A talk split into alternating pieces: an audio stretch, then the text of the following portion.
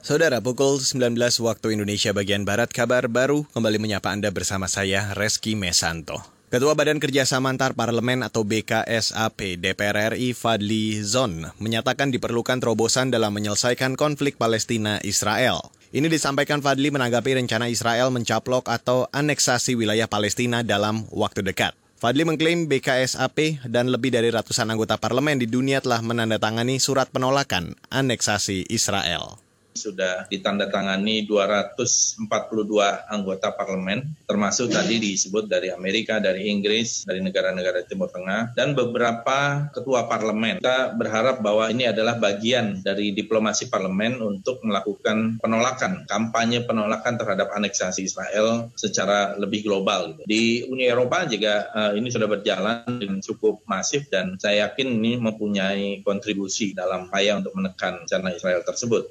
Ketua BKSAP DPR RI Fadli Zon menambahkan beberapa forum parlemen dunia juga telah membahas dan berupaya memperjuangkan nasib rakyat Palestina. Menurutnya, isu Palestina bukan hanya isu umat Islam tetapi juga menyangkut kemanusiaan. Selain itu, Fadli juga menyinggung kredibilitas PBB. Menurutnya, hak veto yang diberikan PBB sering kali menyelamatkan Israel dari sanksi global. Beralih ke informasi selanjutnya, saudara seorang remaja Palestina tewas ditembak tentara Israel Kamis malam. Penembakan itu terjadi pasca bentrokan antara tentara Israel dan warga Palestina di desa Kilf Haris di dekat kota Salfit di tepi barat. Remaja tersebut melemparkan batu ke arah pasukan Israel yang menyerbu desa tersebut dan kemudian dibalas dengan tembakan dari para serdadu. Mengutip antara Kementerian Kesehatan Palestina mengatakan remaja itu meninggal akibat luka di bagian lehernya.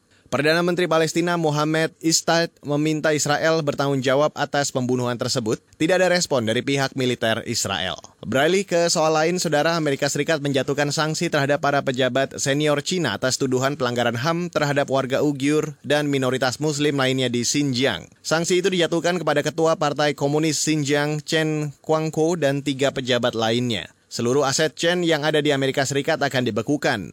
Sementara pembatasan visa diberlakukan pada dua pejabat lainnya, yakni Direktur Biro Keamanan Xinjiang Wang Mingsan dan bekas pemimpin senior komunis di wilayah tersebut Zhu Hailun. Departemen Keuangan AS juga menyatukan sanksi finansial kepada Huo Liu Jun, bekas pejabat keamanan di Xinjiang. Namun dia tidak dikenai pembatasan visa. Pertengahan Juni lalu, Presiden Donald Trump mengesahkan Undang-Undang Hak Asasi Manusia Uyghur yang membuka jalan untuk menjatuhkan sanksi atas China. Undang-undang ini memberikan kewenangan bagi pemerintah Amerika Serikat untuk mendeteksi pejabat Cina yang bertanggung jawab atas penahanan paksa, penyiksaan, dan kekerasan terhadap kaum Uyghur dan minoritas lainnya.